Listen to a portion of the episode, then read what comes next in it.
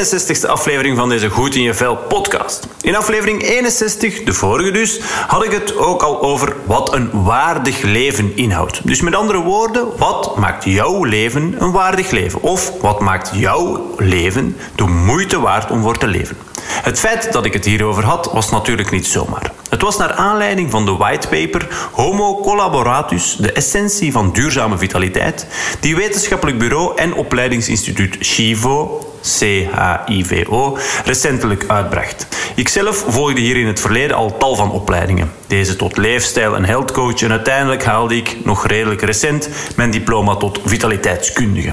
En dus naar aanleiding van deze whitepaper, waarin ze, Chivo dus, op zoek gaan naar de wetenschappelijke antwoord op de vraag wat een goed leven inhoudt, nam ik de vorige aflevering op.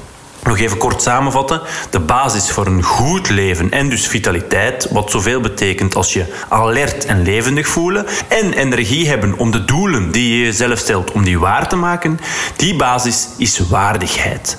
Vandaar dus aflevering 61 over een waardig leven. Ik zou zeggen, zeker ook de moeite om te beluisteren. Maar nu dus aflevering 62.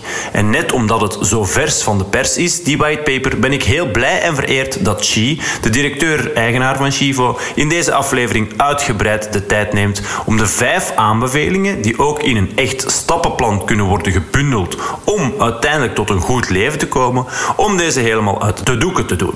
Ik zou zeggen, spits je oren. Dit is hetgene wat mij afgelopen jaren zo immens hard heeft geboeid. Ikzelf vind er nog elke dag meer en meer verdieping in, probeer er zelf zoveel mogelijk naar te leven om het uiteindelijk ook aan mijn cliënten van Epic Coaching te kunnen meegeven. En hier krijg je zomaar mee, helemaal gratis en voor niks. Al kan ik je wel zeggen, het gaat waarschijnlijk ook jouw leven voor goed veranderen. Zo'n boeiende materie is het. Wil jij trouwens de whitepaper van Shivo doornemen? Laat dan even van je horen op www.epiccoaching.be schuine streep Shivo. Dan zorg ik ervoor dat jij hier toegang tot krijgt. Voor nu, hier komt hij dan, Chi Lung Chu, met de vijf stappen om tot duurzame vitaliteit te komen. Enjoy! Oké, Chi. Allereerst bedankt om even tijd voor mij vrij te maken. We gaan het misschien net iets anders aanpakken dan gewoonlijk, omdat de stappen, de thema's die vaak in mijn podcast aan bod komen, dat jij denk ik de man bent om dit nog wat extra te verduidelijken voor de luisteraar. Dus ik ga wat iets andere vragen stellen. We hebben dit ook op voorhand eh, doorgesproken. Er zijn bepaalde stappen om een goed leven te leiden. Dus daar gaan we het zo dadelijk over hebben. Vijf stappen die we daarvoor kunnen doorlopen. Maar ik zou toch eerst even kort willen vragen waarom ik jou vraag voor deze podcast wie jij bent. Wat, wat doe jij? Dat is misschien wel interessant voor de luisteraar om dat even te weten. Nou, zeker. Dankjewel voor de uitnodiging. Ja, mijn volledige naam is uh, Chilong Chiu. Chiu is mijn achternaam en uh, meestal noemen ze mij gewoon Chi. Uh, ik ben vitaliteitskundige en directeur van Chivo, een Nederlands instituut, een kennisinstituut, houdt zich bezig met vitaliteit. Nou, en als uh, vitaliteitskundige, uh, maar ook als instituut houden we ons bezig met consultancy, met vitaliteitsmanagement in het bedrijfsleven, maar ook in het sociale domein. En als laatste hebben we opleidingen voor um, vitaliteitskundigen. Dus dan kun je vitaliteitskundige worden met eventueel specialisaties. Mm -hmm. En uh, dan leer je het vak vitaliteit. Nou, dat ontwikkelen we met een heel team, multidisciplinair team. Die zich uh, verdiept hebben in vitaliteit. En uh, elke dag wel bezig zijn met de wetenschappelijke literatuur. Want er gebeurt heel veel, maar het is heel gefragmenteerd. En vervolgens uh, proberen we dat te vertalen naar de praktijk. En dat proberen we dan uit. En als iets werkt, dan komt het in de opleiding en uh, als het niet werkt, dan gaan we terug naar de tekentafel. Dat is een beetje hoe het werkt. -hmm. Oké. Okay. Voor de mensen die, dat niet, die daar geen duidelijk beeld over hebben, vitaliteit. Hè, want daar is doorheen de jaren, doorheen de geschiedenis ook al wel wat andere betekenissen aan toegeschreven. Ik heb Ja, zelf al wel eens gezegd, en dat is gebaseerd op wat ik bij jullie geleerd heb. Ik ben bij jullie ook opgeleid. Dus uh, vitaliteit is meer dan gezondheid plus. Het is meer dan mentale gezondheid. Um, en het is ook niet zomaar tussen haakjes mentale gezondheid en daar sleuren we dan de positieve psychologie of uh, mindfulness meditatie bij en that's it. Nee, dat is het niet per se. Ook wel interessant om even te kaderen. Wat is vitaliteit dan wel? Ja, duidelijk. Nou, vitaliteit gaat over levend en alert voelen. Dus je hebt vitaliteit heb je objectief en je hebt het subjectief. Nou, objectief uh, wordt meestal wordt er verwezen naar datgene wat je in leven houdt. Dat zijn bijvoorbeeld je organen, de vitale organen. Als je het hebt over infrastructuur, dan gaat het over de vitale delen van infrastructuur. Nou, vandaag de dag is natuurlijk de energievoorziening heel uh, actueel. En, uh, maar je, er is ook zoiets als subjectieve vitaliteit. En subjectieve vitaliteit gaat over ons gevoelsleven. En dat is heel belangrijk, want ons leven is ons gevoelsleven. Voor hetzelfde geld zitten jij en ik gewoon in een kokon, net als in de Matrix. We hebben geen idee, maar wat we voelen, dat maakt onze wereld, toch? Mm -hmm. ja. Nou, Um, dus het draait om het gevoelsleven en subjectieve vitaliteit binnen dat gevoelsleven zegt dus iets over levend en alert voelen en de energie hebben om doelen na te kunnen streven. Nou, dat kan als je jong bent, dat kan als je oud bent, dat kan ook als je ziek bent. En het kan zelfs zijn op het moment dat je stervende bent, dat je de laatste dingen wil afronden. En hier zie je dat vitaliteit helemaal losgekoppeld is van al die zaken. Hoewel het natuurlijk wel uh, verwantschap heeft uh, ermee. Maar het kan dus daarnaast los bestaan. Hm. Nou, en dat is, uh, dat is subjectieve vitaliteit. Nou, de vraag is dan uh, wanneer ervaar je dat? Dat ervaar je doorgaans zo als je doelen hebt of uh, iets wil, dan ervaar je vitaliteit. Maar dat kan wel sterk beïnvloed worden door iets wat we waardigheid noemen. En waardigheid is, betekent uh, dat je iets waard bent.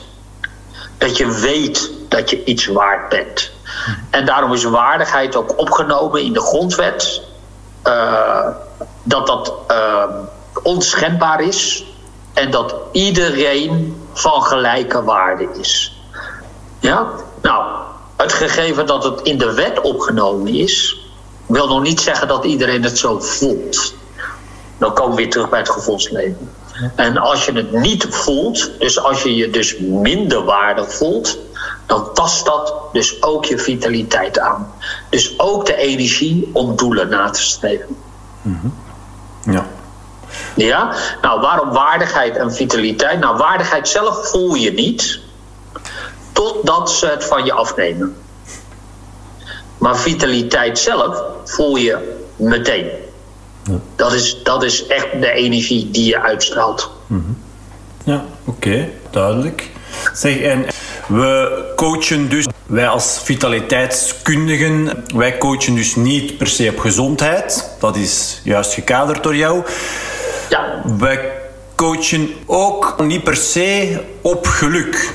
Ik kan me voorstellen dat vele van de luisteraars denken: ja, als je hè, mijn openingsvraag normaal van de podcast, wat wil je je herinneren als je op je sterfbed ligt? Ja, dat je kan terugkijken op een gelukkig leven met, met die bepaalde personen, met die bepaalde activiteiten die je hebt mogen doen.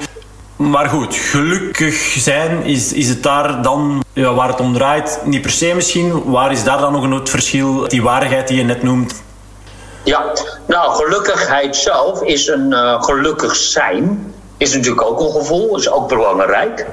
Uh, maar het is meestal het gevolg. Kijk, je kunt een pilletje nemen en je uh, gelukkig voelen. Ja, zeker. Um, en dat gaat op een gegeven moment um, leeg worden. Dus als je, als je naar de vertaling kijkt, als je vooral dingen doet die je leuk vindt dus dat is feitelijk hedonisme, dan kun je heel lang gelukkig voelen.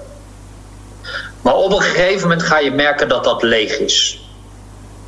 En dan kom je erachter dat ehm, je soort van niet meer waarde voelt. En als, je, als dat een beetje aangetast wordt, dan ga je dus zien dat er onder niks zit. Er is geen buffer, er is geen weerbaarheid. Uh, dat soort zaken allemaal. En, en dan kom je erachter dat je uh, niet echt geleefd hebt. Je hebt geconsumeerd. Mm Ja? Nou, dat wil niet zeggen dat geluk op zichzelf staand niet belangrijk is. Maar als dat het. Je, er zijn meerdere wegen naar geluk. En de, de weg waardigheid naar geluk, die dus eigenlijk leidt tot. De wegwaardigheid leidt tot vitaliteit. En vanuit vitaliteit kun je dus ook gelukkig worden. Ja. En dan ga je zien dat je een veel rijker leven hebt. Ja, oké. Dus een, een rijker leven als in niet per se uh, een heel gespekte bankrekening. Je zegt net, het komt bij mij heel erg binnen, niet echt geleefd, je hebt vooral geconsumeerd.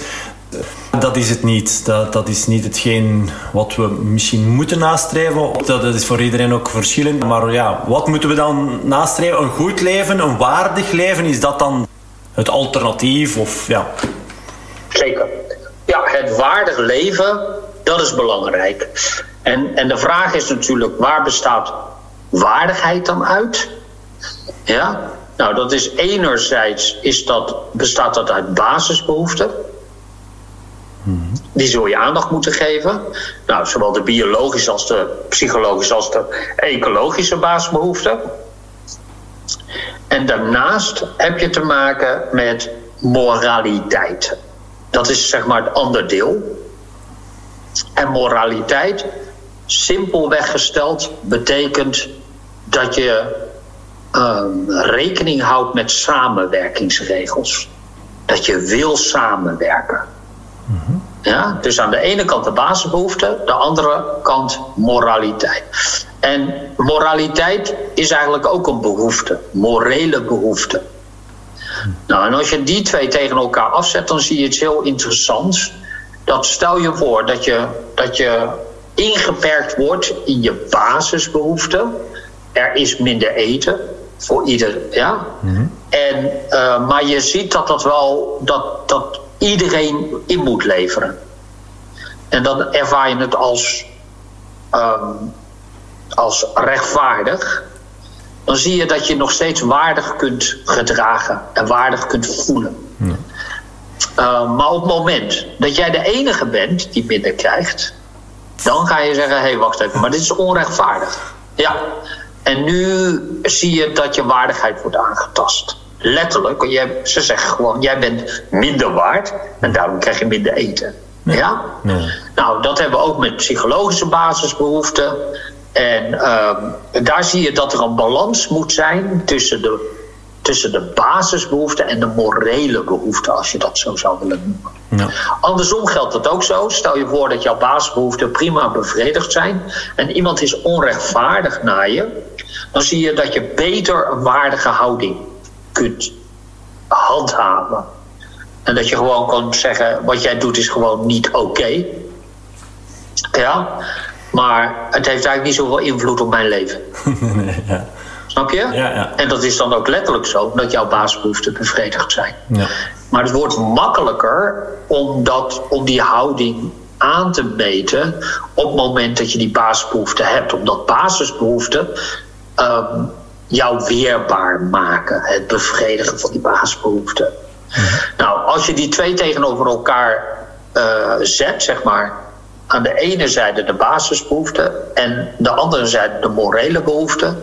Dan ga je eigenlijk zien dat voor een waardig leven um, vertellen basisbehoeften wat je moet doen.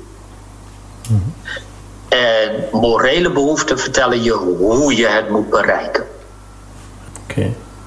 Ja. Nou, en als je daarmee bezig bent, dus wat je moet doen en of je het op een morele manier bereikt, dan ga je zien dat, dat je waardigheid toeneemt, maar dat dat automatisch leidt tot vitaliteit. Ja.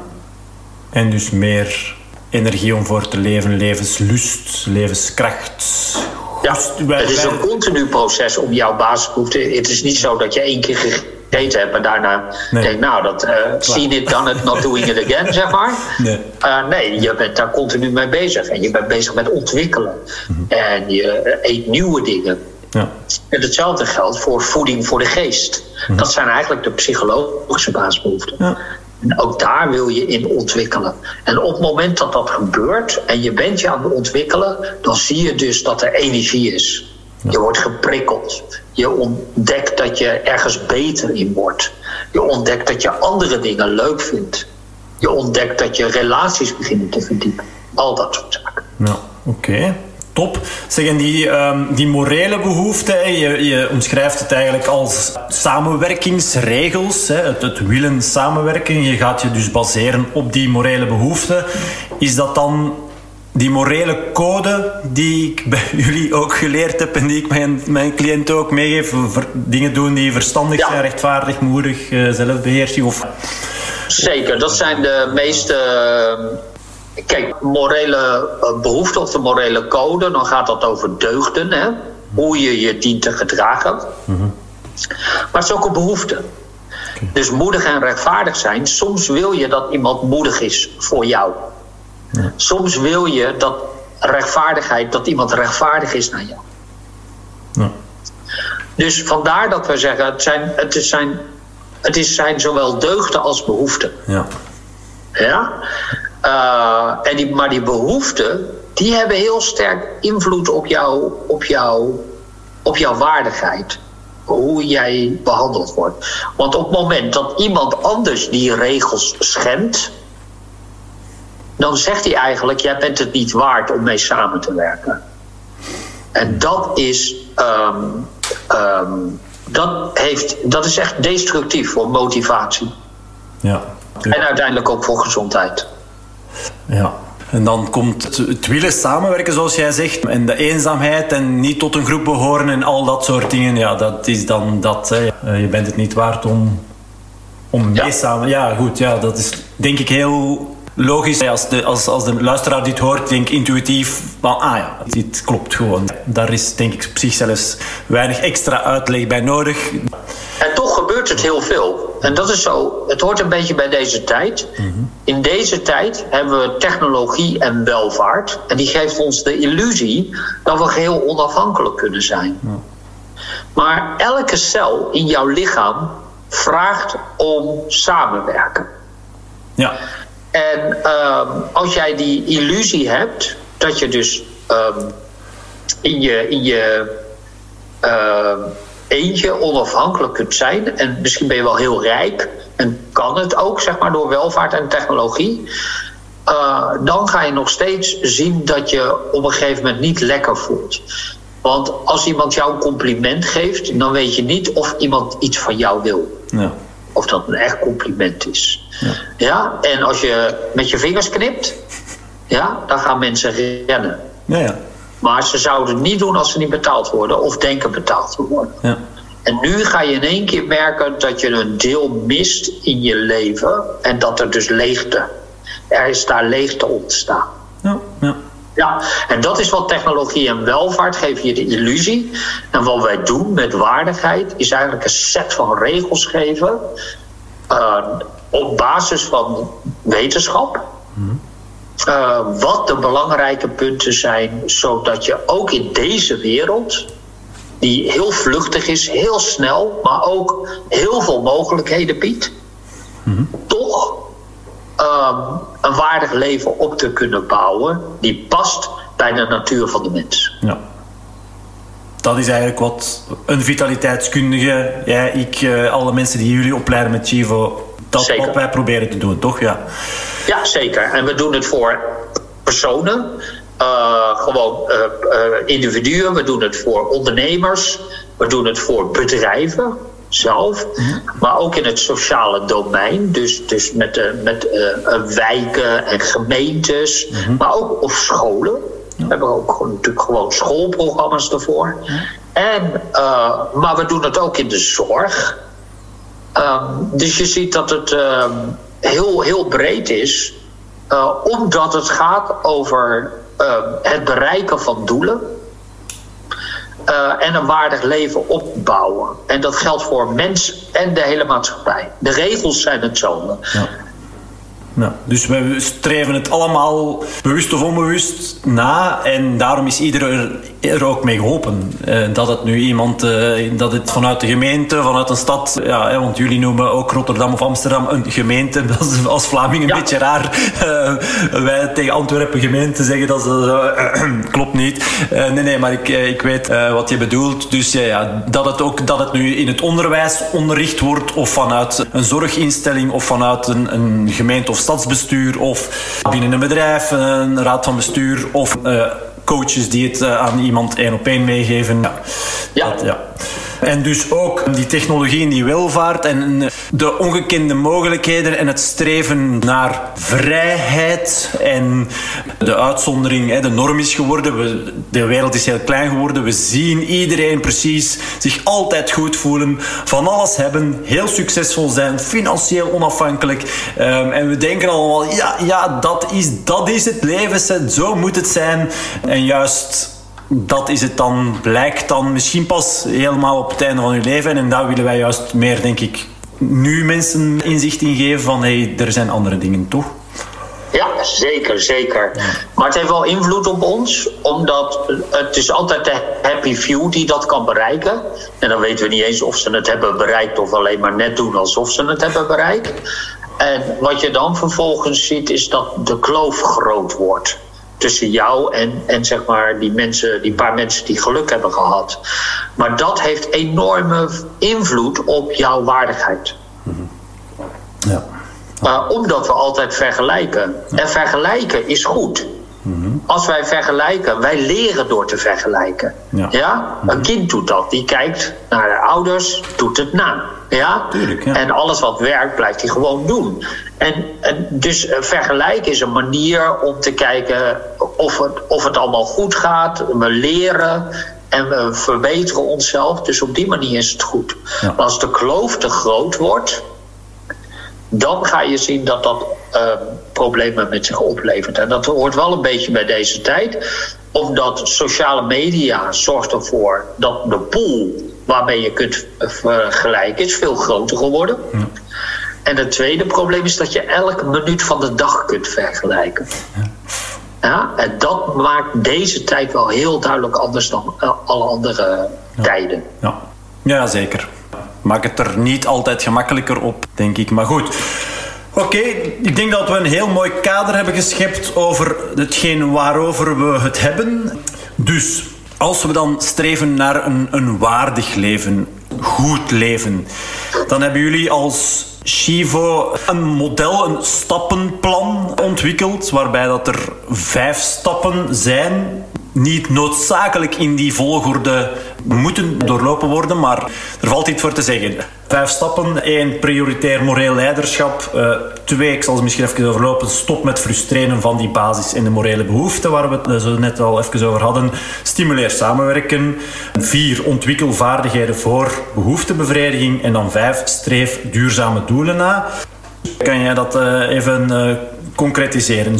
Heel goed. Hey, als we het over het leven hebben, dan uh, maken wij altijd drie soorten, onderscheiden we eigenlijk feitelijk. Overleven, leven en een waardig leven.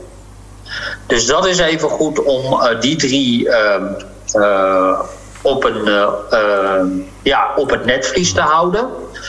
Omdat um, niet iedereen heeft een recht op overleven, maar in ieder geval op leven.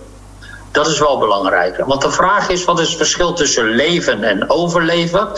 Is als jouw basisbehoeften en je morele behoeften grotendeels gefrustreerd worden, ja, dan ga je in een overleefstand. Maar als ze niet meer gefrustreerd zijn, dan ben je gewoon aan het leven. En dat is prima. Maar uh, niet gefrustreerd betekent nog niet dat ze bevredigd zijn.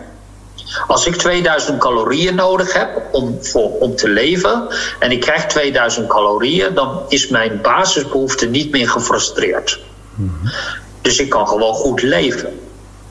Maar dat wil nog niet zeggen dat ik eet wat ik lekker vind. Of eet wat bij mij hoort. En op het moment dat ik ook kan eten wat bij mij hoort en wat ik lekker vind, dan ga ik van leven naar een waardig leven. Ja. Nou, en dat geldt ook voor psychologische zaken, uh, maar ook bijvoorbeeld de natuur. Stel je voor dat je elke dag even contact moet maken met de natuur. En ik woon in het bos. Nou, ik loop naar buiten en heb ik contact met de natuur. Nou, dan ga ik van overleven naar leven, dat is prima. Maar ik blijk een zeemens te zijn. Ik hou van water, het zilte lucht. Ja? ja. Uh, dan ben ik niet gefrustreerd in mijn basisbehoeften, maar ook nog niet bevredigd. Mhm. En dan ga ik, pas als ik naar de zee ga, kom ik, merk ik dat er iets verandert aan mij. Mhm. ja? En dat is, dat is dan het verschil met een waardig leven. Nou, als gemeenschap zouden we moeten zorgen dat mensen uit de overleefstand komen, naar een leefstand gaan.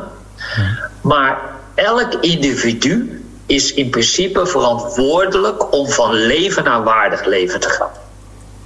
Mm Jij legt die verantwoordelijkheid bij ieder individu of leg jij de verantwoordelijkheid misschien toch net iets hoger en zeg je van dit moet eigenlijk gefaciliteerd worden, wat we net al eigenlijk kort even aanhaalden vanuit een overheid. Het zou toch helpen, denk ik dan. Want die verantwoordelijkheid bij een individu leggen, blijkt dat niet iedereen van zichzelf die verantwoordelijkheid neemt om die stap te zetten van leven naar een waardig leven. Wat ook nou, wat je, wat je nu vooral ziet, is dat, we, dat er heel veel mensen in een overleefstand terechtkomen. Ja. En daar zou je als gemeenschap, uh, draag je daar zeker collectieve verantwoordelijkheid voor. Ja? Uh, daarboven, van leven naar waardig leven, kun je zeggen, uh, leiding, de gezaghebbers zouden dat moeten faciliteren. Uh, daar, en dat stimuleren. Mhm. Maar zij kunnen nooit verantwoordelijk zijn voor een waardig leven, omdat een waardig leven voor jou anders is dan voor mij. Mhm. En het is een ontdekkingsreis. En wij moeten zelf erachter zien te komen. Ja? ja? Maar wij, uh, dat kan door educatie. Dus wij, wij hebben allebei schoolgenoten. Uh, daardoor hebben we leren lezen. Al dat soort dingen. Nou, vanaf daar kunnen wij prima zeggen: oké, we gaan de boeken lezen die ons helpen ontdekken wat een waardig leven is, wat bij ons past. Uh, maar dat is toch een proces wat we zelf moeten doen. Ja.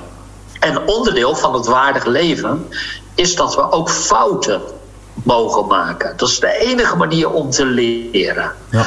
Nou, dat betekent dat uh, de, de gemeenschap daar rekening mee moet houden. Dat we fouten moeten maken. Ja. En een goed voorbeeld is dat ik bijvoorbeeld soms kijk naar artsen die te maken hebben met tuchtrecht. Ja.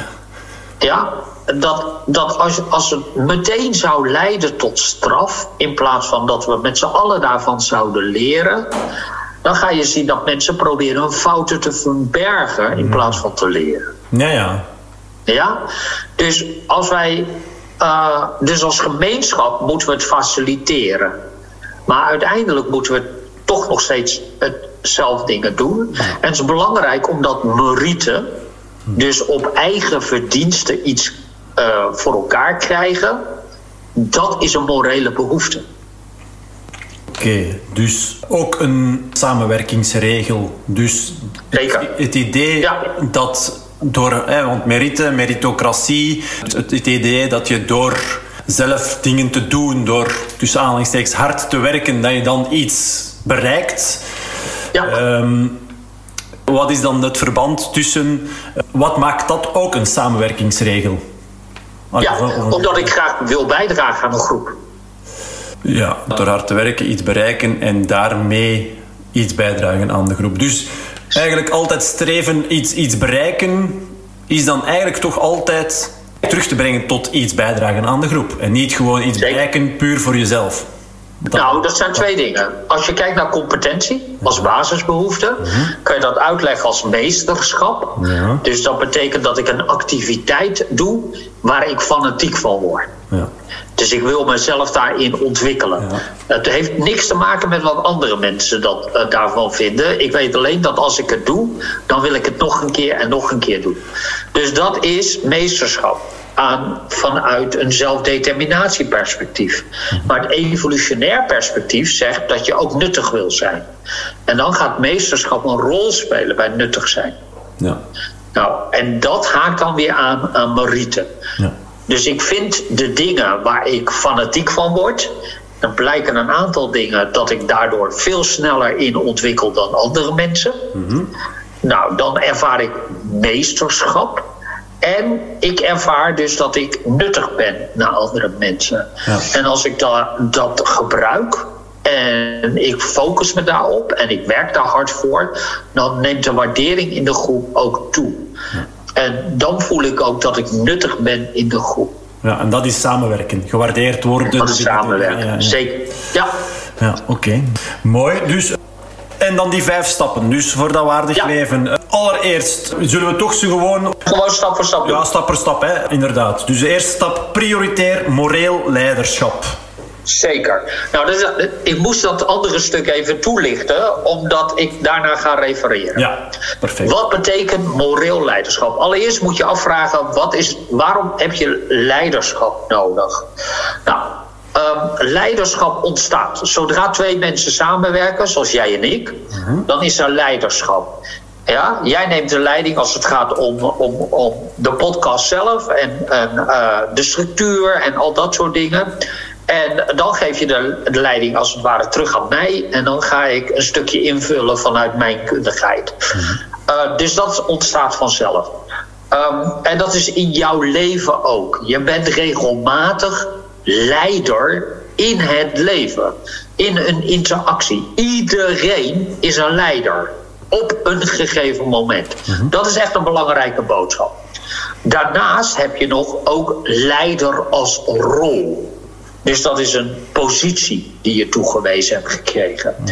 En dan ben je leidinggevend in het bedrijf, of je bent leiding, uh, of je bent gezaghandhaver mhm. op de straat, of je zit in de politiek. Ja? Dus al dat soort dingen, dan, ben je, dan, dan is meer een rol die je hebt.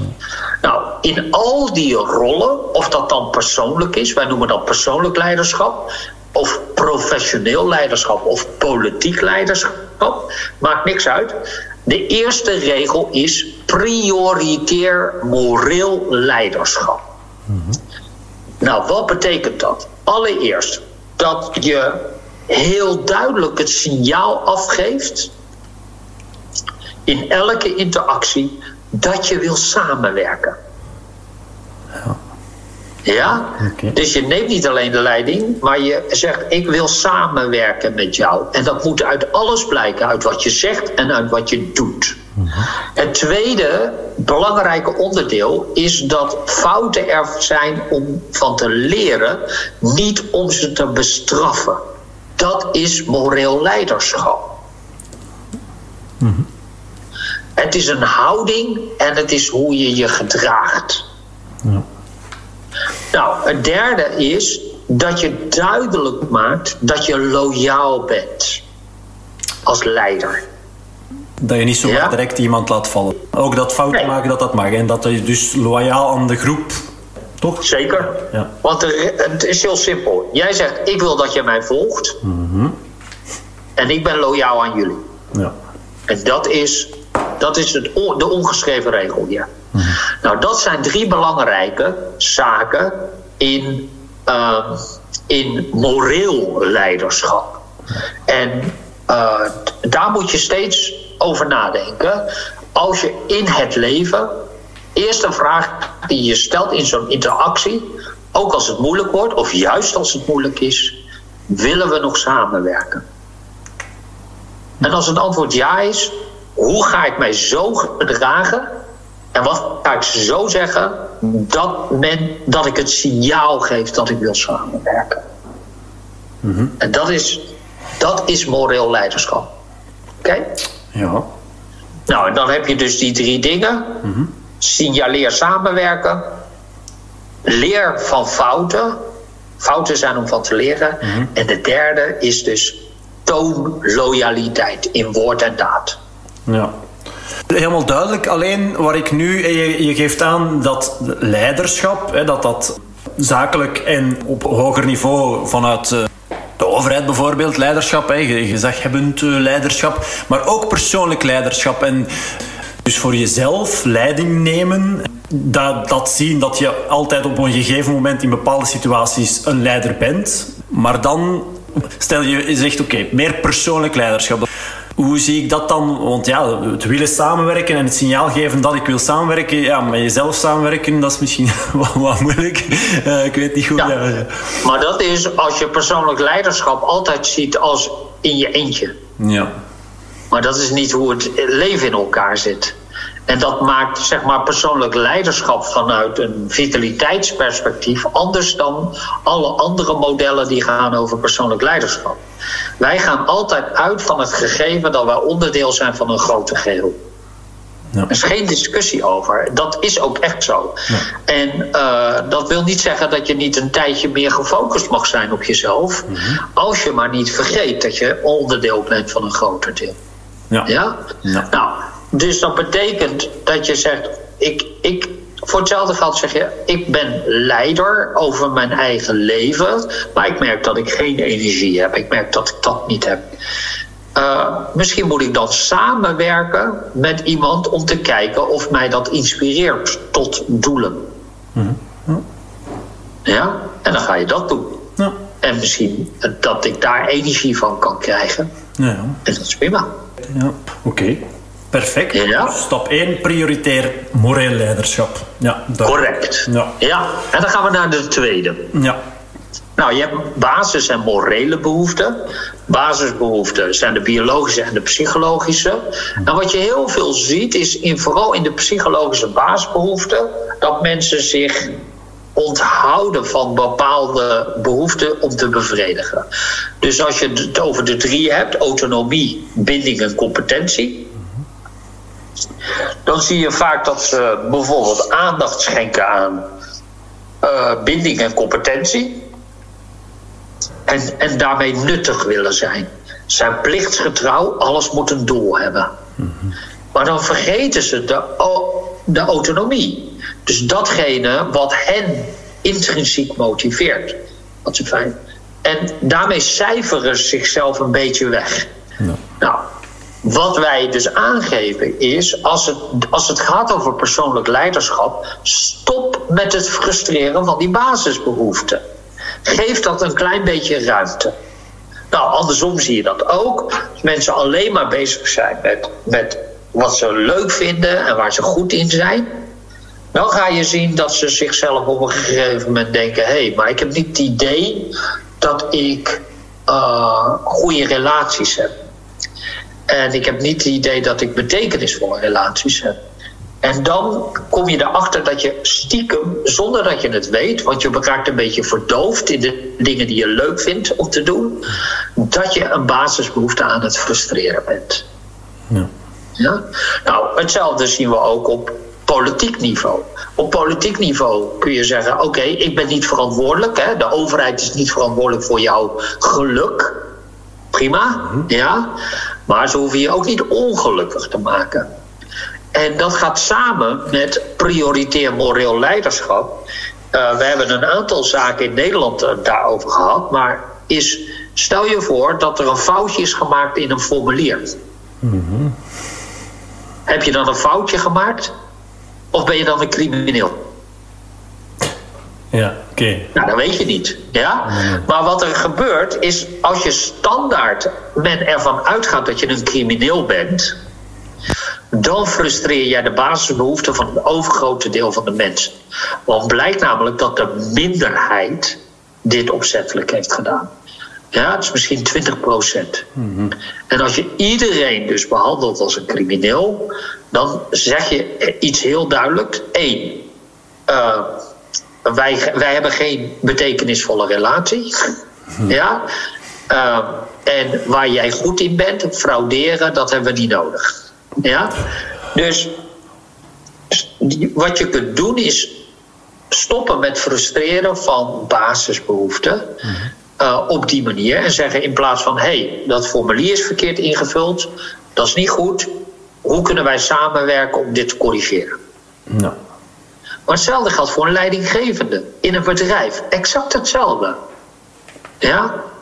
Uh, ik merk dat jij, uh, dat jij uh, heel weinig voor jezelf doet. Je doet alles voor collega's. Mm-hmm. Ja? En dat komt volgens mij omdat ik daar als leidinggevende altijd op stuur. En ik, ben, ik vind je heel waardevol, want je doet dat. Maar soms vergeet ik wel eens dat jij ook dingen voor jezelf moet doen. Ja. En ja, en nu zeg ik, dus ik vertel niet wat ze zelf moeten doen en hoe. Ik geef je alleen, ik, ik probeer ruimte te creëren dat dat kan. Om te voorkomen dat ik jouw basisbehoeften ga uh, frustreren. Ja. En datzelfde geldt weer voor loyaliteit. Als, als, als jij als teamlid naar mij toe komt en ik ben een leidinggevende, ja, en jij zegt: uh, uh, ik, ik zou dit graag willen, dan. Uh, en, en jij denkt alleen maar: nou, Chi, ja, die gaat daar toch niks mee doen, want die. De, die gaat altijd met de directie, vindt hij belangrijk, maar hij vindt ons niet belangrijk. Dan zie je dus ook dat ik de, de morele behoefte aan loyaliteit frustreer. Ja.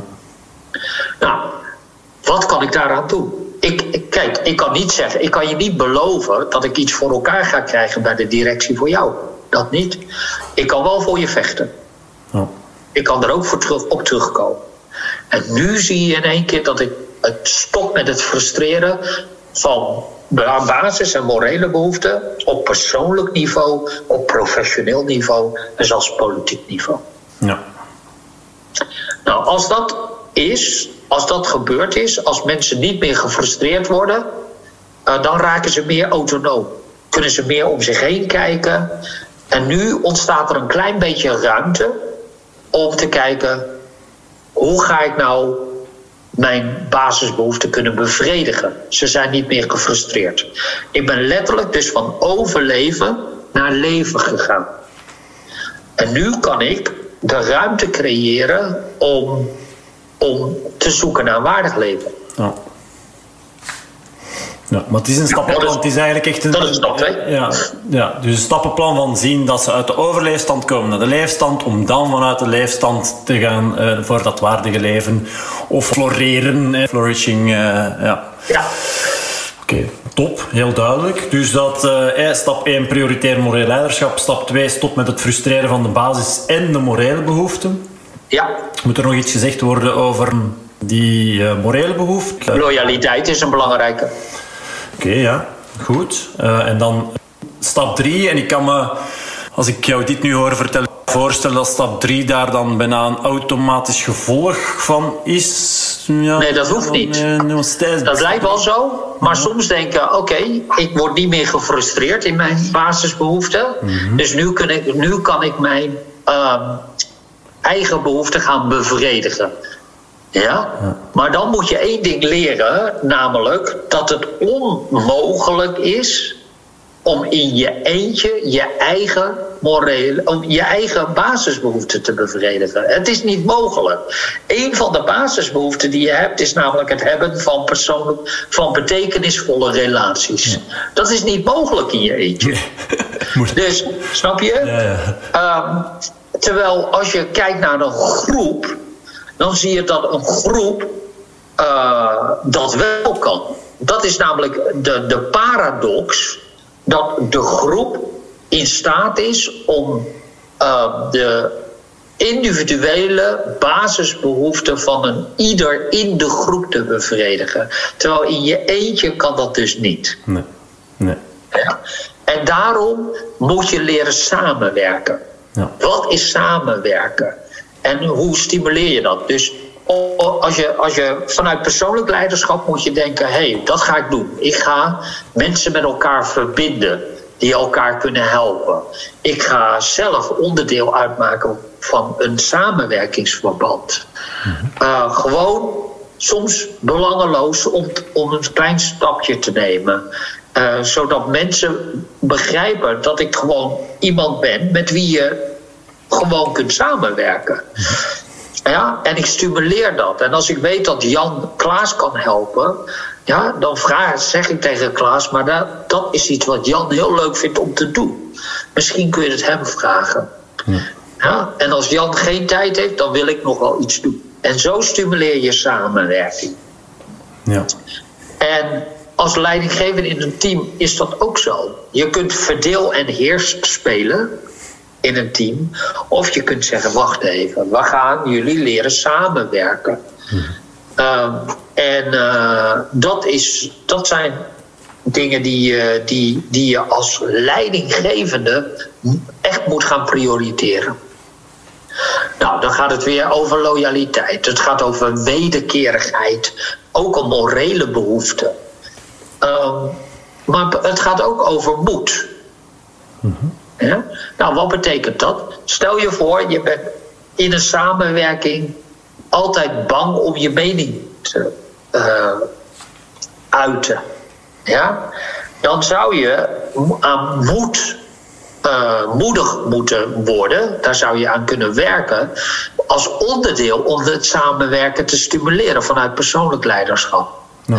Maar andersom, als jij leidinggevende bent, zou je moeten zeggen op een gegeven moment: luister, ik hoor jou nooit. Ik zie je wel denken, ja, maar ik ben wel even benieuwd naar je input. Ik wil niet zeggen dat ik er iets mee, direct mee ga doen of dat het mijn beslissing gaat veranderen, maar ik ben benieuwd hoe jij hier tegenaan kijkt. En dan geef ik weer, dan echt haak ik eigenlijk weer aan op nummer 1 is namelijk moreel leiderschap prioriteren. Mhm. Ik geef duidelijk het signaal af dat ik wil samenwerken. Ja. Ja, en dat is stap drie. Dus dat is hoe uh, samenwerken op zowel persoonlijk als op professioneel niveau uh, bij kan dragen aan een goed leven. Ja omdat als je vraagt van ik, ik, zie jou, eh, ik zie jou denken, maar ik hoor jou niet, dan dat is wat, wat dat je, je vraagt eigenlijk aan die ander om moedig te zijn om voor zijn mening uit te komen. Hè? Want dat is misschien niet gemakkelijk, maar ja, toon wat meer moed en zeg wat je denkt in plaats van het alleen te denken. Zeker. ja. ja. En dan kan iemand een foutje maken. Want die denkt misschien iets over jou wat niet zo heel plezant is. Ja. En dan kun je dat bestraffen. Of je kunt iemand zeggen, nou, daar hebben we allebei van geleerd. Ja, ja, ja. En dat is heel duidelijk hecht op aan op prioritair moreel leiderschap. Maar gelijkertijd stimuleer je samenwerken. Wat stap 3 is. Stimuleer samenwerken. Ja, wat stap 3 is, zeker. Oké, en dan moeten we nog iets zeggen over stap 3, stimuleer samenwerking? Ik denk niet per se. Uh, stap 4, ontwikkel vaardigheden voor het bevredigen van die behoeften. Zeker. Heel vaak merken wij dat mensen uh, niet goed kunnen voelen. Dus daar kun je ze mee helpen. Dus dat, kun je trainen. Je moet dan, begint gewoon met tijd nemen. En reflecteren over wat vind ik nou eigenlijk leuk. En het tweede is, wat vind ik nou eigenlijk belangrijk? En dat zijn dan nog activiteiten. Mhm. En dan kun je het toe gaan passen op mensen. Wie vind ik leuk en wie vind ik belangrijk? Ja. Mm ja? Probeer jezelf te voelen als daarover na. Of je ook daadwerkelijk iets voelt. En als je dat doet, dan ben je bezig om vaardigheden te ontwikkelen om die behoeften te bevredigen. Nou, en dan kun je langzamerhand natuurlijk naar praktische vaardigheden. Stel je bent heel verlegen, maar je kent mensen die je leuk vindt en mensen die je belangrijk vindt. Ja, dan zul je daar iets aan moeten gaan doen. Begrijp je? Ja, en hetzelfde geldt met uh, uh, ontdekken wat je leuk vindt of waar je goed in bent. Want dat is ook zo'n ding. Uh, dat betekent soms ook dat je vaardigheden moet ontwikkelen. Uh, en uh, ja, zo langzamerhand kom je tot een, uh, tot een heel mooi plan. En ja. kun, je, on, ja, kun je dus je eigen behoeften bevredigen. Ja. Nou, hetzelfde geldt voor het samenwerken. Stel je voor, je hebt iets van een potentieel conflict. Mm Ja, en we kijken naar een aantal morele behoeften, zoals altruïsme loyaliteit, wederkerigheid of moed. dan denk je, maar waarom hebben we nou dit conflict? Is het zo omdat hij altruïsme voor mij verwacht? Ja, uh, dus dat ik iets belangeloos doe. Nou, dat is binnen een gezin normaal. Het is niet dat je je kinderen wegbrengt naar school en dan zeggen: hier heb je de rekening. Snap je? Dus, uh, dus dat, is, dat is waar je dan naar kijkt. Of is het zo dat iemand loyaliteit van mij verwacht? Of is het wederkerigheid? Ja, ik heb nou al honderd keer dingen gevraagd. Hij heeft het allemaal gedaan. En nu merk ik dat hij een beetje zaggerijnig gaat worden. Ja, is het dan zo dat dat, dat, dat de basis gaat worden van het conflict? Mm Of is het zo dat iemand niet moedig is, nooit iets tegen jou durft te zeggen, terwijl je eigenlijk merkt dat iemand dus heel. Ja, dus nou ga je zeggen: hé, hey, is dat de basis van. En dat, je ziet bijna altijd dat veel van die conflicten gebaseerd zijn op die morele behoeften. ja. Ja. Nou, dat betekent dus dat je daar tijd in kunt steken. En dat je ook leert van, hé, hey, maar ik merk dat ik dat zelf ook heb. Ik merk zelf dat ik uh, loyaliteit mis. Mm En misschien moet ik dat eens tegen iemand zeggen. Ja. Zeg, en ontwikkelvaardigheden voor behoeftebevrediging, daar kunnen wij mensen bij helpen als, als vitaliteitskundigen. Dat, dat is een deel van, van onze expertise, van, van ons vak. Zeker. Maar we hebben het over behoeften en voor alle duidelijkheid, wij hebben, als we het over behoeften hebben, hebben we het over biologische, psychologische behoeften en dan dus die morele behoeften. En ik heb heel lang, mij wordt fit, nog heel lang gestuurd op die biologische basisbehoeften, beweging, voeding, slapen, eh, dat, dat soort dingen. Ik ben daar mee gebroken omdat ik weet dat die andere net zo belangrijk zijn soms in mijn ogen misschien belangrijker. Ze zijn gewoon minder gekend en daarom, en ik ken ze wel, ik kan er anderen mee helpen. En daarom probeer ik juist meer op die psychologische en die morele behoeften te sturen. Maar goed, het is wel belangrijk, ook die biologische behoeften. Daar blijven ook, ook daar uh, ontwikkelvaardigheden, maar daar kijken we dan meer naar een uh, life coach, personal trainer. Uh, ook, of, of ja, ook ik denk dat het verschil is dat wij uh, vanuit de andere kant benaderen.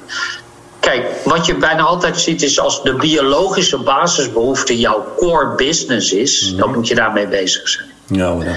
Maar dat is niet onze core business. Onze core business is mensen helpen met doelen vaststellen en doelen behalen. Mm ja, als wij dat deel hebben ontwikkeld, dan maakt het niet uit welk doel het is. Als het gezondheid is, prima.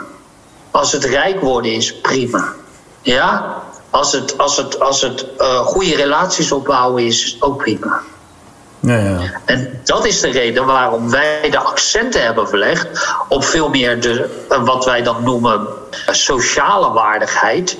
Is dat je, dat je accenten legt op de psychologische basisbehoeften en de biologische basisbehoeften. Mm Nee, de psychologische en de morele behoeften en minder op de biologische behoeften. Ja, precies. Ja. ja. ja, ja. wel, ja. ja, ja. Dus uh, inderdaad, het is eigenlijk gewoon puur kwestie van waar je op focust. En ja, in de praktijk komt het er toch soms. Ik had vanmorgen nog een cliënt en dan soms gaat het toch nog even over houding bijvoorbeeld.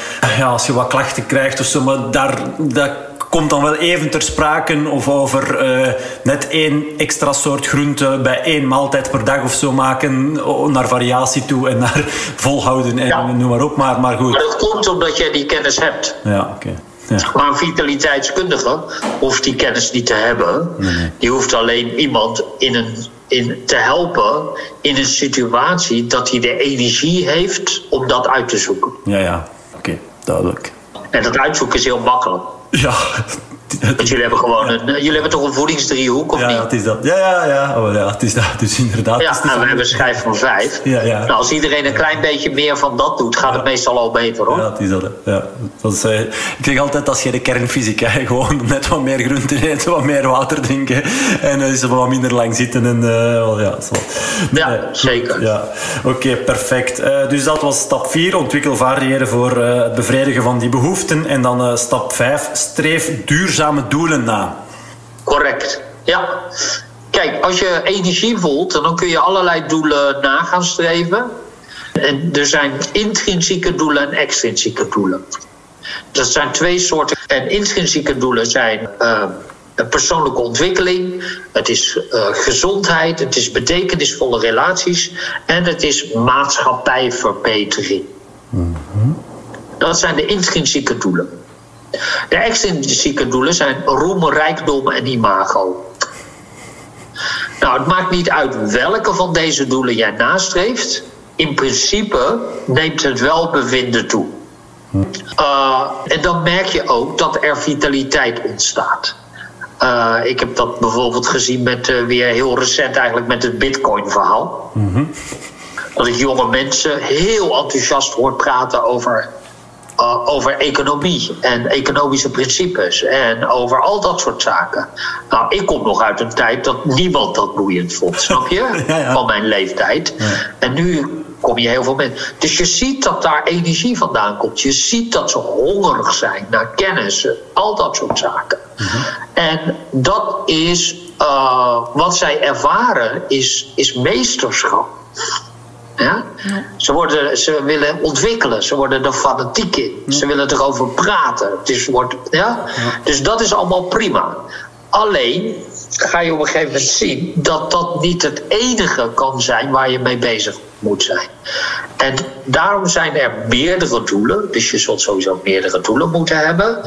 Maar als je kijkt naar de categorieën intrinsiek en extrinsiek, dan zal op een gegeven moment intrinsiek dominant moeten zijn. Want als extrinsiek dominant gaat worden, dus roem, rijkdom, imago, dan ga je zien dat het welbevinden gaat afnemen. En dat komt omdat je je basisbehoeften gaat frustreren. Nou, ik gaf net dat voorbeeld al. Als jij rijk bent, hoe weet je dan of de nieuwe mensen die je ontmoet echt jouw vrienden zijn? Of dat ze iets van je nodig hebben? Ja. ja? Uh, dat, dat betekent dat elk contact wat, wat jij maakt, als dat de gedachte is die in jou opkomt, dan ga je dus zien dat, dat uh, jouw baasbehoefte begint te frustreren. Nou, uh, als je daar minder mee bezig bent, omdat je ook bezig bent met maatschappijverbetering en het opbouwen van betekenisvolle relaties, dan komen die gedachten minder met naar voren. Ja. Ja. En dan en dan zie je dus dat jouw leven waardiger wordt. En dan komt, wordt je ook, neemt ook het welbevinden toe. Mm -hmm.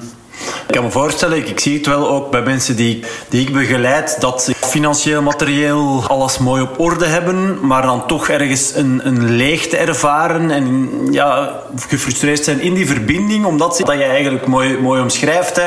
Ja, mensen zoeken wel contact met mij, maar, maar waarom is dat juist? Is dat dat ze dan eens mogen meerijden met ja, wat, uh, wat, wat ze dan ook in de garage hebben staan voor, voor wagens? Uh, is het dan echt om mij te doen, of dan toch maar gewoon om, om een graantje mee te pikken van mijn succes. Uh, ja. dat, dat, een, dat dat voor hen moeilijk is. En dan is het misschien ja, beter, gewoon wat zien nee, maar om, om te streven naar maatschappijverbetering, duurzame doelen. Ja. ja. nou, duurzame doelen in zijn algemeenheid is dat, dat elk doel op zich goed is, mm -hmm. maar dat, uh, dat vooral de intrinsieke doelen dominant moeten ja, zijn. dat het blijven, van blijvende duur. Bedoel je dan duurzaam? Niet per se als in ecologisch, uh, natuur, planeet. Nee, nee, niet per se. Ja, dat is nee. natuurlijk wel een onderdeel ervan. Maatschappijverbetering is daar een onderdeel in. Ja. Maar duurzame doelen kun je de rest van je leven doen. En die zullen de rest van je leven jouw welbevinden vergroten. Ja. En dan is wat ik in de praktijk vaak zie, dan dat mensen met een goed gespekte bankrekening ineens dingen gaan doen, zoals in een rusthuis met mensen met een rolstoel even een wandelingetje buiten gaan doen, bijvoorbeeld. Of, uh, Zeker. Ja. Ja. ja.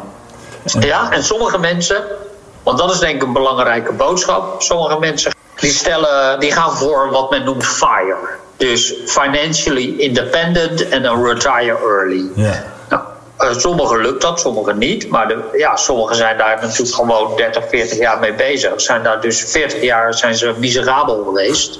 Ja. ja? En dan blijkt het ook nog te mislukken. En dan hebben ze dus 40 jaar geen dingen gedaan die ze leuk vinden. En ook geen dingen gedaan die ze belangrijk vinden. Ja, dat is best triest. Ja. ja? Dus je kan beter die, dat, dat spreiden. En zeggen: Oké, okay, ik vind roem en rijkdom nog steeds belangrijk. Prima. Ja. Uh, maar zorg dat het niet overheersend wordt. Ja, ja, ik had denk vorige week vrijdag met iemand daar een gesprek over van oh, maar ik, ik, ik heb toch ook nog wel doelen, businessgewijs en financieel. En, en ik zeg, ja, maar prima, hè. Ik zeg, maar als dat het enige wordt of de bovenhand neemt, dan, ja, dan vroeg of laat ben ik ervan overtuigd dat je daar ergens een bepaalde leegte gaat ervaren. Zeker. Ja. ja, er is heel veel onderzoek naar gedaan, een heel recent een grote uh, meta-analyse. Ja. Maar ja, die heb je gezien. Ja, ik volg het wel, ja. Right. Goed, heel boeiend, eh, die vijf stappen. Als ik dan in jullie teksten zie van vitaliteit en wat wij doen. Uh, wij leiden vitaliteitskundigen op en wij baseren ons op wetenschappelijke theorie. Ik krijg daar veel belang aan, jullie, uh, jullie ook. Ik zie dan van ons vak, het vak vitaliteit, zoals het vanuit Chivo de wereld wordt ingestuurd, baseert zich op verschillende wetenschappelijke theorieën. Een wetenschappelijke theorie is belangrijk omdat het een situatie die we niet eerder hebben meegemaakt kan voorspellen. Dus daarom is het, dat maakt het belangrijk, denk ik. Zeker. Een van die wetenschappelijke theorieën is sociale ecologie.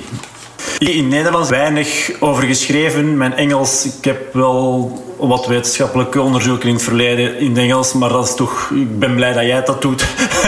Want ja. in het begin van mijn carrière deed ik het ook wel. En dan kwam ik op jouw pad. Ben ik echt super dankbaar voor dat jullie dat gewoon met Chivo doen. Wetenschappelijke onderzoeken uitspitten en vertalen naar de praktijk en naar Nederlands. Maar um, die sociale ecologie. Kijk, in principe betekent ecologie vanuit de, uh, vanuit de biologie gezien is de interactie tussen organismen. Mm Dus zowel mensen onderling als wel mensen en flora en fauna.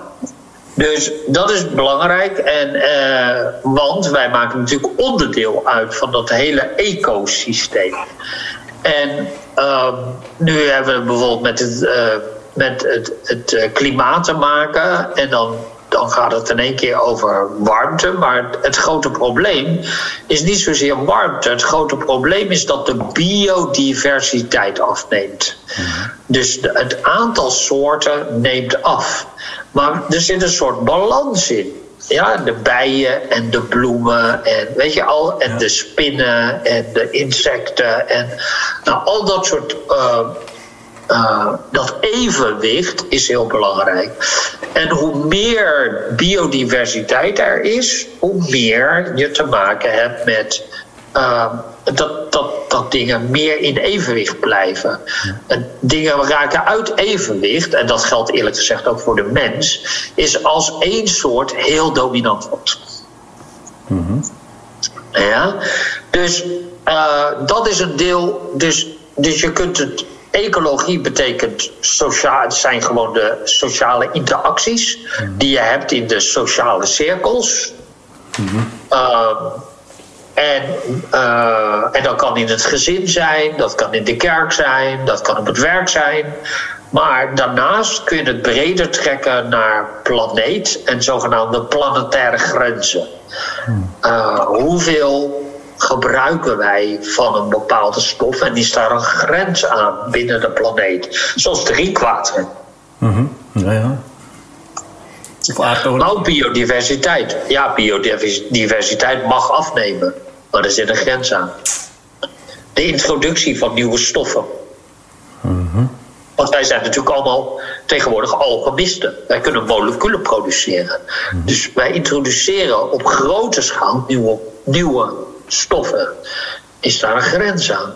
Dus uh, over de hele breedte, sociale ecologie, betekent dus dat als onderdeel van maatschappijverbetering binnen duurzame doelen. Uh, en intrinsieke doelen, is dat je op een gegeven moment daar rekening mee houdt. En als wij de planetaire grenzen hebben bereikt, dan betekent dus dat we sommige dingen niet meer kunnen. Ja. En nu wordt het wel interessant, want je kunt. er op twee manieren naar kijken als iets niet meer kan. Je kunt zeggen: nee, dit is logisch. Want we moeten op lange termijn denken. Of je zegt, nu wordt er weer iets van mij afgenomen. En dan denk ik op korte termijn.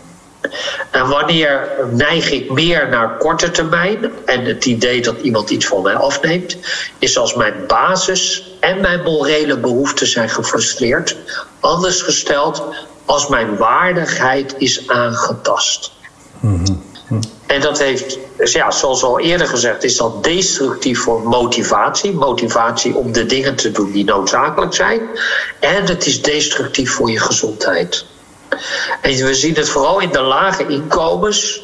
Als de lage inkomens leven korter en hebben, uh, zijn 15 jaar eerder chronisch ziek. Uh, daar zie je dat je kunt zeggen, nou, komt dat dan omdat ze te weinig inkomen hebben? Uh, deels. Maar de grote verklarende factor is de aantasting van sociale waardigheid. Op het moment dat jij je minder waardig voelt ten aanzien van de gemiddelde burger, doet dat iets met jou. En door de jaren heen uh, maakt dat jou dus ongezond. Ja? ja? Daarom zeggen we ook altijd: stop met het frustreren van die basis- en morele behoeften. Dat is stap 2. Mm ja? uh, omdat dit meespeelt in het verhaal. En als jij wil dat wij met z'n allen gaan samenwerken voor een betere planeet, uh, dan begint dat bij sociale ecologie. Dus dat we de interactie van mensen onderling met elkaar verbeteren. Dus, dus samenwerken. Mhm. En vervolgens kijken we naar planetaire ecologie. Ja, oké, duidelijk. Ja, ik heb uh, toevallig uh, net een boek over de zon. Over uh, het feit dat de zon veel meer energie levert dan dat wij opkrijgen. En dat, ja, dat wij nog te weinig beseffen dat het, het gebruik van aard, gas en olie dat dat eindig is. En Los van het feit dat het niet, niet goed is voor onze planeet. Maar goed, er moet een alternatief zijn. En dan kun je zeggen, ja, dan moeten we het maar uh, met minder gaan doen. En, en terug, naar, maar terug naar de, naar de holbewoners, naar de grotten. Dat gaat, gaat not gonna happen. Dus op zoek naar een alternatief. Uh, ja, waardevol. Boeiend boek. Ja, uh, ja, ja. Dus. En, en, en de basis is natuurlijk... als jij vooral gericht bent op extrinsieke doelen... Uh -huh. roem, rijkdom en imago dan ga je zien dat je niet rekening houdt met de planetaire grenzen en dat je die veel harder gaat overschrijden. Ja. Terwijl als je je richt op de intrinsieke doelen, dan ga je zien dat dat dus niet nodig is en dat dan, dan heb je een waardig leven binnen de planetaire grenzen. Ja, ja. en dan nog, als je dan ook nog eens, vooral die extrinsieke doelen, als die dan ook nog eens dominant zijn, als je dan weet dat dan ook je, je welbevinden, hoe dat je je voelt, ook nog eens afneemt, ja, dan, dan valt er echt heel veel voor te zeggen van ja, ga dan toch maar voor die intrinsieke doelen. En, uh, ja, om het, Zeker. Om het duurzaam te houden. Ja. Nou, dan ga je natuurlijk wel zien, want wij zijn op stap 5 geëindigd. Ja. Maar stap 5 betekent dat als jij dus doelen nastreeft, dan verandert de wereld en ook de wereld om jou heen. Mhm. Er komt dus een nieuwe situatie. Ja. Dan komen er weer nieuwe doelen en dan begin je weer met het prioriteren van moreel leiderschap. En daarmee is de cirkel gewoon rond, omdat verandering de enige constante is in ons leven. Ja, inderdaad. Uh... En daarom is het een cirkel ja. en niet een ladder. Oké, okay, ja, dus die cirkel, ik zal, uh, ik zal die ook wel uh, erbij zetten. Degenen die hem willen vinden, zullen hem wel, wel vinden. Maar het is inderdaad, het is, geen, het is een constant doorgaand proces, omdat verandering nu eenmaal deel uitmaakt van ons leven. Zeker. Oké, okay, mooi. Um, is er nog iets wat ik jou nog had moeten vragen of uh, kunnen vragen wat jij nog niet hebt gedeeld en wat nog. Um... Nee, ik denk dat wij een mooi gesprek hebben gehad. Mm -hmm. Dus dank daarvoor. Ja, jij bedankt. Ja, het is, uh, ik vind het altijd uh, heel boeiend om het jou te horen zeggen. En ongetwijfeld zullen er heel veel dingen herkenbaar zijn voor de luisteraar, voor degenen die mij volgen Het is dus dankzij Shi, de gast van deze aflevering, dat, uh, dat dat allemaal tot bij hen komt. Want ja, jij bent toch wel inspiratiebron, dat mag ik wel zeggen, uh, voor hetgeen wat ik doe. En uh, de dank is volledig van mijn kant. ja, ik vond het ook een heel leuk gesprek. Ja, misschien Shivo, want hoe meer vitaliteitskundigen in de wereld of in Nederland, maar ook misschien in Vlaanderen, dat is toch ook wel iets Waar vinden ze jou? Wat, uh, wat moeten ze doen om uh, ook vitaliteitskundige te worden? Dat is misschien ja. nog. Nou, uh, zeker, dankjewel. Het webadres is chivo.nl, C-H-I-V-O.nl. Mm -hmm. Nou, daar hebben we regelmatig berichten over, het, over de verschillende onderwerpen die horen bij het vak van vitaliteit. En, uh, en daar kun je inderdaad ook opleidingen volgen tot vitaliteitskundige. Vervolgens kun je je specialiseren in leiderschap of je kunt je specialiseren in de klinische kant, waarbij je dus met patiënten werkt. Mm-hmm. En daarmee probeert een waardig leven op te bouwen. Dus dat zijn eigenlijk de twee belangrijkste kanten. Er komt nog een derde wel aan. Oké. Primeur. Ja, zeker. Primeur. Uh, wat zei Primeur. Ja, ja. ja, primeur. ja. ja, ja oké. Dus, uh, uh, dus dat is. Ja. Maar ja, dat is waar je het kunt, kunt volgen. En veel van de opleidingen kun je grotendeels ook op afstand doen. Ja, ja. dus dat is denk ik voor jullie ook beter. En als, ja, het zou heel fijn zijn als in Vlaanderen meer vitaliteitskundigen zijn die uh, samen kunnen werken. Want er is zoveel werk te doen. En met name binnen bedrijfsleven ook zelf. Dus niet alleen persoonlijk leiderschap, maar ook professioneel leiderschap. Dat, dat we ja, als, als mensen de handvatten krijgen als leidinggevende, uh, dan kunnen we echt uh, grote slagen maken, mm -hmm. ziekteverzuim verminderen, ook al zijn we niet gericht op gezondheid, productiviteit verhogen. En algemeen uh, zorgen dat uh, niet alleen maar de persoonlijke, maar ook de, de planetaire gezondheid beter wordt. Ja. Ja, ja, dat is wat ik probeer in Vlaanderen ja, zo goed mogelijk te doen van de grond te krijgen. Maar ik merk daar wel ook waarschijnlijk bij mij toch ergens een klein stukje frustratie. Omdat inderdaad die verbinding, uh, ik merk dat die grens ook al is die, hè, de, echt gewoon de landsgrens tussen Nederland en Vlaanderen, dat dat dan toch nog wel meespeelt. En ik heb wel wat contact met bepaalde vitaliteitskundigen die, vanuit mijn opleiding. Maar om echt een echte samenwerking op te zetten en echt iets te verwezenlijken in de markt te zetten bijvoorbeeld ook en echt verschil te maken. Ja, op uw eentje uh, is dat toch dat is, dat is moeilijk. Ja, het gaat over samenwerken, dat hebben we besproken. Dus dat is toch wel iets uh, wat ik alleen maar kan toejuichen om die opleiding te volgen en, uh, en misschien dan te gaan samenwerken. G, nogmaals, dikke merci voor de fijne babbel en ja, graag tot de volgende. Helemaal goed. Jij ook bedankt.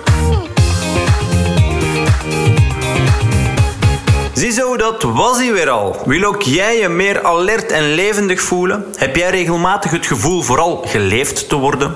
Door jezelf en anderen niet altijd naar waarde geschat te worden? En dat je, ondanks best wel veel contacten, je toch regelmatig onbegrepen en eenzaam voelt? Neem dan zeker maar even een kijkje op epiccoaching.be. Daar vind je een heel toegankelijke, laagdrempelige minicursus over en voor het vervullen van de drie psychologische basisbehoeften. Heel waardevol. En zoals in de intro al aangegeven, wil je graag de whitepaper van Shivo? Die kan en wil ik je graag bezorgen. Laat dan even van je horen op epiccoaching.be schuine streep Shivo. C-H-I-V-O. Voor nu bedankt om te luisteren. Zorg dat je een episch leven kan leiden. Dat je van je leven een prachtig en gedenkwaardig verhaal kan maken. Dat je op het einde van je leven kan terugkijken en denken: ik heb er uit vrije wil voor kunnen kiezen om mijn eigen waarden trouw te blijven. Veel mooie dingen kunnen doen met en voor hen die heel veel voor mij betekenden en heb me altijd gewaardeerd gevoeld. Ik ben dankbaar dat ik vooral deze zaak in mijn gedachten heb kunnen bewaren. Als dit dan nog zou kunnen samengaan met anderen kunnen inspireren en begeesteren en aandacht schenken aan hoe jij kon bijdragen aan de wereld net dat ietsje mooier achterlaten dan je hem hebt aangetroffen, ah wel, dan denk ik echt dat je een goed, vitaal, waardig, episch leven hebt gehad. Wil jij voor niet minder gaan, maar kan je hier wel wat hulp bij gebruiken, dan hoor ik heel graag binnenkort van jou. Ik zou zeggen, nogmaals bedankt. Wil jij automatisch een melding krijgen als ik een nieuwe aflevering online zet? Abonneer je dan even op dit podcastkanaal. En uh, ja, tot snel. Ciao.